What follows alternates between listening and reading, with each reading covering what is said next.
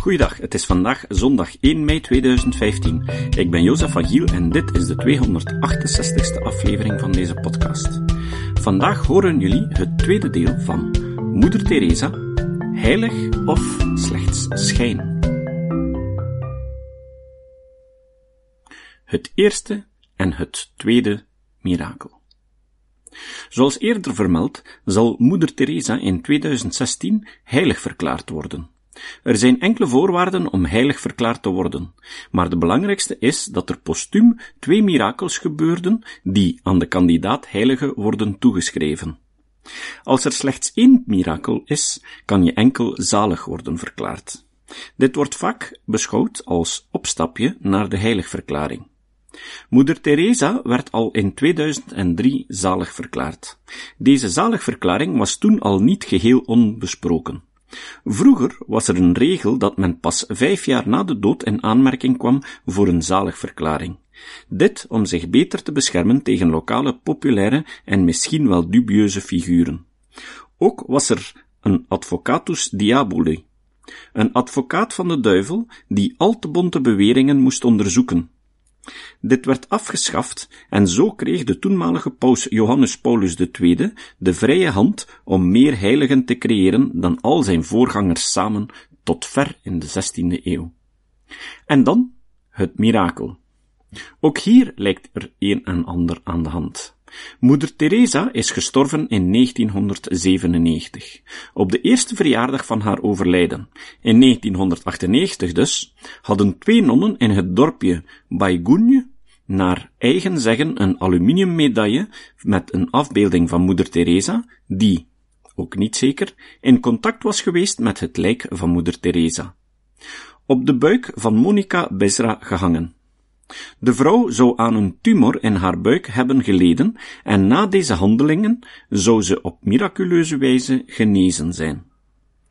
Dit was echter niet het verhaal waarmee dokter Manu Murset, het hoofd van het lokale ziekenhuis, dokter T.K. Biswas en zijn collega-gynaecoloog dokter Ranjan Mustafi mee naar buiten kwamen. Volgens de drie dokters leed de vrouw aan tuberculose en aan cysten op de eierstokken en werd ze met succes behandeld voor beide aandoeningen. Waar dokter Moesret zich nog het meest aan stoorde, waren de aanhoudende telefoontjes van de orde van moeder Teresa om de genezing miraculeus te noemen. De getuigenis van Monica Bezra zelf was nogal verwarrend. Ze praatte zeer snel en kon geen vragen beantwoorden.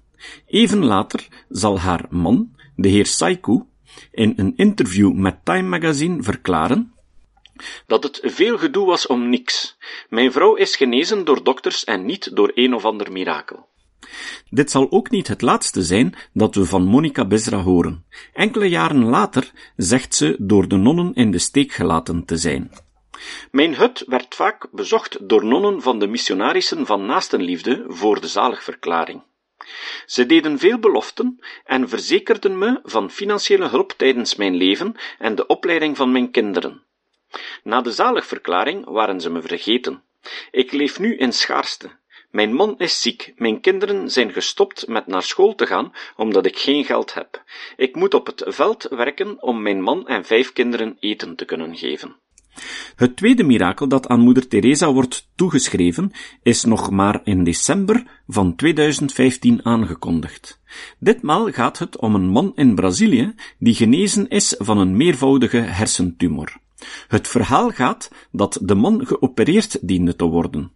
Hij werd op de operatiekamer binnengereden, reeds in coma, maar wegens technische problemen diende de operatie even uitgesteld te worden. Na slechts een half uur uit de kamer geweest te zijn, trof de arts de man aan in de operatiekamer, volledig bij bewustzijn en genezen. Gezien de vrouw van de man haar gebeden steeds richtte tot moeder Teresa, staat er dus een tweede mirakel op haar palmares. Elke dokter in een ziekenhuis zal je kunnen vertellen dat er patiënten zijn die onverwachte en spectaculaire verbeteringen maken. Iets wat moeilijk te verklaren is. Net zoals er ook ogenschijnlijk gezonde personen zijn die plots zwaar ziek worden. Prins bijvoorbeeld. Het mirakel van Monica Besra heeft hier echter niets van.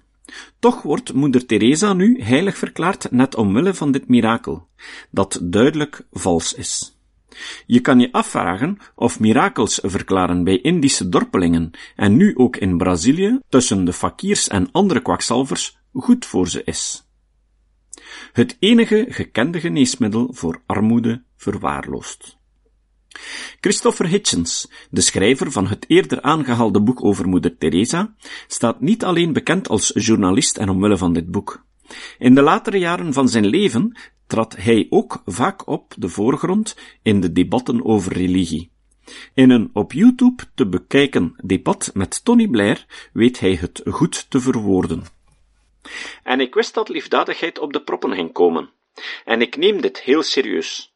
Namelijk omdat we weten, dames en heren, en we zijn waarschijnlijk de eerste generatie mensen die het echt weten, wat de meest effectieve behandeling voor armoede echt is. Het ontsnapte voor een zeer lange tijd aan de menselijke gedachtengang. De behandeling voor armoede heeft de naam vrouwenemancipatie. Als je vrouwen een zekere controle geeft over hun voortplanting, als je ze een zeg geeft, ze van de dierlijke cyclus van voortplanting haalt, die de natuur en religieuze doctrine aan hen opdringt, de religieuze doctrine dwingt hen in feite zelfs, en als je hen dan wat zaden en geld toestopt, gaat het met alles de goede kant op in dat dorp. Niet alleen vermindert armoede, maar scholing, gezondheid en ook het optimisme zullen toenemen. Het maakt niet uit. Probeer het in Bangladesh, probeer het in Bolivie, het werkt. Het werkt altijd. Noem me één religie die hiervoor staat, of dat ooit heeft gedaan. Waar je ook kijkt in de wereld en je de boeien van onwetendheid en de ziekte van dommigheid probeert weg te nemen, dan is het altijd het georganiseerde geloof dat in de weg staat. Het hoeft niet te verbazen dat ook moeder Teresa, die altijd trouw was aan het leergezag van de kerk, tegen eender welk middel was dat geboorte kon beperken, en een rare visie had over seks en voortplanting. De officiële dogma's, die al terug te voeren zijn naar de heilige Paulus, maar in de geschiedenis van de kerk min of meer zijn aangepast, verboden geestelijken om te trouwen en maakten het ook voor vrouwen onmogelijk om tot de geestelijkheid te behoren. Homoseksuele daden worden natuurlijk verafschuwd, net zoals heteroseksuele daden buiten het huwelijk en zelfs binnen het huwelijk, als je het doet voor het genot in plaats van vanuit de noodzaak tot voortplanting. Ook de bezorgdheid om het leven in de baarmoeder staat steeds op de voorgrond bij moeder Teresa. Toen er omwille van agressieve oorlogen in Bangladesh en later in Bosnië massaverkrachtingen gebeurden, riep moeder Teresa op om het zaad van de agressor niet te aborteren. Je kan het kind opgeven ter adoptie of het grootbrengen in een andere geest dan in welke het verwerkt werd. Klonk het. Deze oproep werd later herhaald door paus Johannes Paulus II. Dit standpunt is terug te brengen tot de leer van Sint Thomas van Aquino. Volgens deze wordt in de baarmoeder door God al snel een onsterfelijke ziel geschapen, zodat je dan over een mens spreekt. Dit standpunt heeft gedurende de verschillende eeuwen enkele variaties gekend, maar sinds de 19e eeuw is het volgens de kerk zo dat de embryo vanaf de conceptie een mens is met een onsterfelijke ziel. Dit is echter in tegenspraak met de wetenschap, die in de beginfase van een zwangerschap slechts heeft over een embryonale groep cellen, dan een foetus om uiteindelijk een mens te worden. Bovendien kan tot een week na de conceptie een embryo zich splitsen, zodat er een eenijige tweeling ontstaat. In België mag een zwangerschapsafbreking tot week 12. Dit is een grens die arbitrair is aangenomen. Ze valt ongeveer samen met het punt waarbij men aanneemt dat het embryo overgaat in een foetus. Evenwel mag een abortus echter nog tot 24 weken na de conceptie, als de gezondheid van de vrouw in het gedrang komt, of als er een ernstige afwijking bij de foetus wordt vastgesteld. Na week 24 kan er nog tot een abortus worden overgegaan, maar dit is zeer uitzonderlijk en meestal na de raadpleging van een ethische commissie. In Nederland ligt de grens voor abortus op 24 weken en er moet vijf dagen bedenktijd toegepast worden. De afbraak van een zwangerschap is dan wel arbitrair, maar merk op dat de kerk ook een arbitrair punt kiest, namelijk dat van de conceptie. Een man produceert quasi constant zaadcellen en een vrouw heeft elke maand een eicel, of soms zelfs twee. Als geen van deze cellen verloren mag gaan, dan zou een vrouw logischerwijs elke maand moeten proberen een kind te maken, en een man in principe nog veel meer. Moeder Teresa heeft zich meermaals en steeds op de momenten dat het ertoe deed, in de discussie rond geboortebeperking gemengd.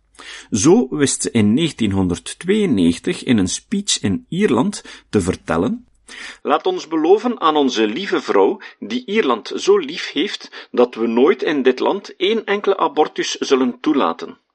En geen voorbehoedsmiddelen. Ook tijdens haar speech, die ze gaf bij het aanvaarden van de Nobelprijs voor de Vrede in 1979, noemde ze abortus moord en beschouwde ze het als de grootste bedreiging voor de wereldvrede. Niet enkel abortus, maar ook zaken die hebben bewezen dat ze het aantal abortussen kunnen verlagen, werden door moeder Teresa steeds tegengewerkt. Het is goed onderzocht en het staat vast dat contraceptiva en de bijhorende voorlichtingscampagnes het effect hebben dat ze het aantal, al dan niet illegale abortussen verminderen. De band tegen geboortebeperking gaat dus verder dan na het punt van de conceptie. Ook het verhinderen van de conceptie valt hieronder, alhoewel dit hier op de keper beschouwd eigenlijk geen steek houdt. Echter, volgens de cultus van het lijden is elke seksuele handeling een verlangen van het vlees, en iets dat men dus dient te vermijden. Men kan dus stellen dat in de katholieke kerk de zaak tegen abortus en de zaak tegen contraceptiva, alhoewel met hetzelfde effect, toch uit een andere leerstelling voortkomen. De kerk lijkt zich niet bewust van het verband tussen de snelle bevolkingsgroei en de verspreiding en voortduring van armoede, ziekte, kommer en kwel en de effecten ervan op het milieu. Dit hele verhaal is in de recente jaren ook binnen de kerk een bron van dispuut geweest. In Latijns-Amerika was er door de concurrentie met het protestantisme en een nood aan nieuwe priesters de vraag of er iets aan het celibaat kon worden gedaan. In West-Europa en de Verenigde Staten lijken heel wat congregaties hun zaken te doen zonder de officiële leer in verband met de geboortebeperking maar te vermelden. Actiegroepen van homoseksuelen hebben petities georganiseerd om als volwaardig katholiek te worden herkend, met als reden dat God ze nu eenmaal zo heeft geschapen. Conservatieve christelijke schrijvers, zoals William Buckley, hebben ook aangegeven dat het niet klopt contraceptiva als even grote zonde te beschouwen als abortus. In al deze debatten in de katholieke kerk is moeder Teresa steeds de meest reactionaire figuur geweest. De fundamentalistische vleugel van het Vaticaan kon steeds op twee manieren van moeder Teresa gebruik maken. Ten eerste als reclame voor het goede werken van de kerk en ten tweede als instituut om klassieke dogma's bij de gelovigen levend te houden. Ze heeft zich altijd een fel tegenstander getoond van abortus, van contraceptiva en van het idee dat er een limiet op de groei van de wereldbevolking zou moeten komen. Volgende keer gaan we kijken naar de financiële bronnen van Moeder Teresa. Het citaat. Het citaat van vandaag is van Voltaire.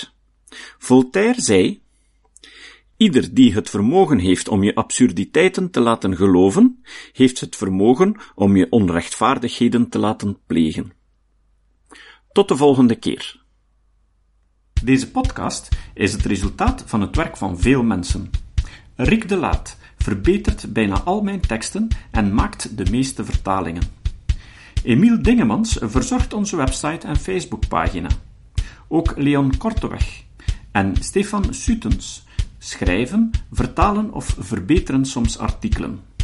Leon onderhoudt bovendien het YouTube-kanaal van deze podcast. De muziek van de intro en de trailer heeft Nick Lucassen geschreven, en soms maken we ook gebruik van muziek van Ad van Nederpelt, die ons zijn prachtige composities ter beschikking stelt. Dit was de podcast Kritisch Denken. Vergeet niet om alles kritisch te behandelen, ook deze podcast. Voor verdere informatie over deze podcast, links en voor de tekst, surf naar www.kritischdenken.info. Als je deze podcast belangrijk vindt, kun je me steunen door anderen warm te maken ook eens te luisteren. Stuur een e-mail naar vrienden met een link naar de website en plaats de link in de handtekening van je e-mails. Tevens kun je op iTunes deze podcast een beoordeling geven of een recensie schrijven. Of je kan op je eigen website of blog een link naar kritisch denken plaatsen.